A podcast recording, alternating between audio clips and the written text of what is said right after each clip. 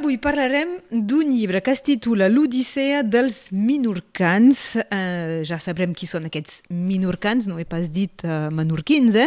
Tenim amb nosaltres l'autor d'aquest llibre, Alfons Martí. Bon dia, Alfons. Hola, bon dia. Primer comencem parlant de, de tu, perquè eh, vius a, a l'Alba i Espí, però ets originari de, de Mallorca, també has viscut a, a Barcelona, als Estats Units, ets un rodamons. Sí, un mallorquí errant, però com que aquí estic penjat a una roca allà dalt i a més a més això és, hi ha un barri mallorquí a Perpinyà, no cal tornar a Mallorca de tant en tant, per, m'entens? Perquè aquí pràcticament eh, com a casa.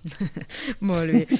I doncs aquests minorcans eh, és, un, és una història molt eh, entranyable i curiosa, bastant desconeguda, que has descobert i, i desvelat en aquest llibre a Florida. A Florida. Sí, jo sóc autor de llibres de reconstrucció d'històries desconegudes, de viatges, d'assaig històric però en una estada que vaig fer als Estats Units, eh, dos anys, em vaig trobar amb una història que jo no coneixia i que té relació amb Florida, té relació amb el segle XVIII, amb les intrigues aquelles que hi havia de pirates, per dir-ho així, i també amb les Illes Balears perquè va, va passar un, un, un episodi històric desconegut completament per mi, per la gent de les Balears mateix, que, que va ser l'arribada d'un contingent més, el més gran que va arribar de cop als Estats Units, segons els historiadors americans, que eren una gent de Menorca que els havien contractat els britànics amb trampes perquè fessin de colons. Recordem que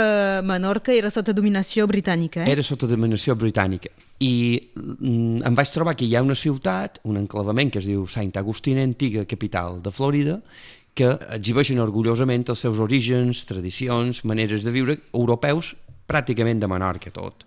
L'inici és que vas arribar allà i et vas trobar amb aquesta denominació no? de minorcans. La denominació em va cridar l'atenció. Vaig dir, què és això de minorcans? Què és això? Aleshores, aquesta exclamació per això ja significa que posar-me i ficar-me amb el tema, què és, què és això?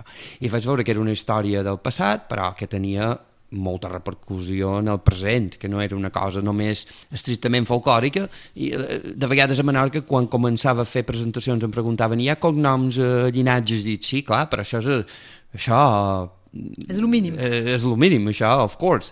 I, per altra banda, el que vaig descobrir és que eh, eh, aquesta gent és molt venerada als Estats Units pels historiadors perquè ells habiten la ciutat o construïren la ciutat més antiga teòricament en territori dels Estats Units. Aleshores, la ciutat més antiga dels Estats Units, perquè va fundar un tal Ponce León, que era un espanyol d'aquells del rei, que anava allà conquistant. Però, com a ciutat, com que l'arrel la varen construir ells al segle XVIII, abans era una fortalesa militar, eh, es considerar d'aquesta gent els pioners de la ciutat més antiga dels Estats Units. A més, aportant tota la seva cultura i sí. el seu bagatge. El seu bagatge. Aquest, aquesta gent va arribar allà en vuit eh, vaixells contractats per un tal Turnbull, que era un personatge important de la cort britànica, que volia fer negocis eh, bruts amb esclaus encoberts, era un personatge perillós. I va recórrer el Mediterrani per contractar gent. Va contractar un, unes quantes famílies de Provença, de per aquí a prop, bé, no tan a prop, de Provença, va unes quantes famílies mallorquines que habitaven a, a Menorca, pràcticament mil i més de mil menorquins, i algunes famílies gregues que va trobar pel camí navegant pel Mediterrani. Però el gruix de gent, la majoria eren de Menorca, per això es diuen minorcans. Varen anar-hi tot de cop, els varen tancar una plantació, 9 anys, 7, 8, 9, 9 8, 9 d'esclavitud, de, va començar la Revolució Americana, ells intentaven sempre escapar d'una manera o d'una altra i aquí ho varen aconseguir i va començar la història de la ciutat amb la seva participació fins al punt que avui en dia te conten que qui va introduir el pebre, la, la, no sé, l'agricultura a Florida? Els minorcans. Doncs eh, és evident que l'inici és un punt tràgic, eh, aquest engany no era per colonitzar sinó per ser esclaus, eh, però eh, l'interès és que una vegada superat aquest episodi, aquests nou anys d'esclavitud, sí que eh, van poder fer, fer la seva i tenir descendents, transmetre-ho perquè, perquè sigui avui en dia encara sí, vigent. efectivament, perquè a més això es va convertir en la capital de Florida i en aquell moment aquesta gent eh, eh, eren els fundadors de, de la República de Florida, de la capital. Per tant, el comtat de Sant John varen dividir tot en comtats, no hi havia comtes, però era una mica una ironia nord-americana, era una república, però varen posar comtats, com, uh -huh. County Sant John. Aquesta regió es va convertir en la regió pionera. Els varen preguntar si volien tornar a Europa, si volien tornar, i varen dir no, no, no, no hem arribat aquí, ens ho han fet passar malament i no es mouren d'aquí. Eh, els menorquins són viatgers, eh, per això, perquè n'hi havia molts també a l'Algèria francesa, que hi van portar la sobrassada, per exemple. La sobrassada. És que, és que el menjar també s'hi nota ja. Sí, hi havia un temps que els, els menorquins i els mallorquins també, encara que eren, en aquest cas de dues corones diferents, eren molt mariners, després es va acabar al segle XIX, però sí que ho eren, perquè una illa, quan no hi havia avions ni hi havia turisme, que ara per cert és una ciutat molt turística, també Sant Agustina, com les Balears, això ho duen a l'ADN, doncs sí, i, i, i, i, i el menjar, per cert, en Albert Camus, la, la mare, sa mare de Menorca. Sí, sí, sí això ja ho tenim controlat. eh, doncs eh, en el menjar també hi ha, hi ha algun rastre? Sí, el menjar és una cosa eh, quotidiana, perquè ells cosa curiosa, també van trobar un clima que no era molt, massa distint. No feien pas tombat, per això. no sé, crec que sí, eh? Perquè, sí. perquè no sé si això s'ha perdut, però ells varen trobar molls allà, el peix aquest que es diu moll. Uh mhm. -huh. I, I com que això és mediterrani, però enorme, una cosa colossal, gigantesca i el varen adoptar també i fan uns arrossos i uns invents d'aquests i després tota la cosa dolça també que, que prové d'època medieval eh, ho tenen de les coses dolces a, a menjar de reposteria no? de pastisseria idèntic. I pomada? Pomada ja no ho sé, això.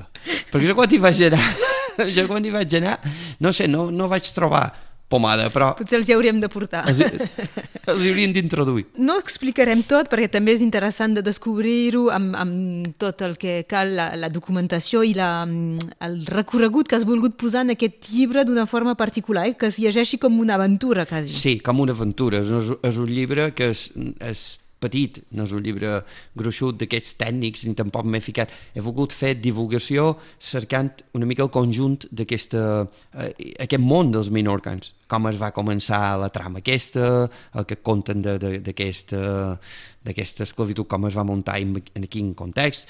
Després, retrats de la ciutat, que és una cosa magnífica, perquè ja va ser l'època bona del segle XIX, els seus carnavals, com la gent d'altres estats volien anar a visitar aquests carnavals en competència amb els carnavals francesos de Louisiana, de, eh, l'ambient de la ciutat, les, eh, els, els, cartes de, de viatgers famosos i també de soldats nord, nord-americans que venien del nord, que estan allà una temporada i parlaven també d'aquesta cultura exòtica mediterrània, llatina, que portava... que la gent era molt hospitalària. També hi ha una fama d'això, de lluita contra l'esclavitud i gent hospitalària. Martin Luther King, famós Martin Luther King, va anar a fer unes conferències allà perquè és un referent també de la lluita contra l'esclavitud històrica que se'n van arribar a sortir encara que va morir molta gent allà, vull dir, va ser molt, molt criminal, perquè moria molta gent, no només era, era treball forçats duríssims, però també forma part d'aquesta tradició de, um, una mica històrica que, que ha arribat, ha, ha sortit de Sant Agustine, Sant Agustine és el nom de la ciutat, i de Florida també, hi ha nord-americans que tenen, jo vaig conèixer un estudiant dins un autobús per Madrid, Madrid-Granada, i que no sé, li vaig comentar i diu, ah, sí, sí, jo sé que existeix Santa Agustina, i era de, de, de, de, de no sé si era de Virgínia, però és un referent eh, de, de la història dels Estats Units, la, la, la que té arrels, precisament. Doncs abans de poder anar, potser un dia a Florida, a Santa Agustina, a descobrir el, el lloc, podeu descobrir la història. L'Odissea dels Minorcans de, um, és publicat a Ebres de Tinta, és escrit per l'Alfons Martí i el podeu trobar actualment ja a la Llibreria Catalana de Perpinyà. A la Llibreria Catalana de Perpinyà es pot trobar fàcil, o sigui, no cal anar a internet ni anar fins a Girona ni, ni, ni Madrid, que també el tenen en castellà, també existeix, i en anglès. Ni a Menorca. Ni a Menorca. Menorca ja no n'hi ha, se'ls han comprat tots. I, i, i no, no necessitem excuses per, per anar-hi si tenim l'oportunitat. Sí. Estàs treballant amb altres uh, temàtiques actualment? Sí, però com que encara no tinc clar si acabaré un, un llibre que tinc a mitges o un altre, no puc dir res. Molt bé, Només doncs... puc parlar dels Minorcans. ja vindràs quan el tinguis eh, decidit moltes i acabat. Sí. Alfons Martí, moltes gràcies d'haver vingut aquí uh, fins, a, fins a Ràdio Arrels. Recordo eh, que ens parla d'aquest llibre que parla de, de menorquins a, Estats Units, però que ell mateix és, és mallorquí i que ara viu a l'Alba i Espí. Fins sí. aviat. Moltes gràcies.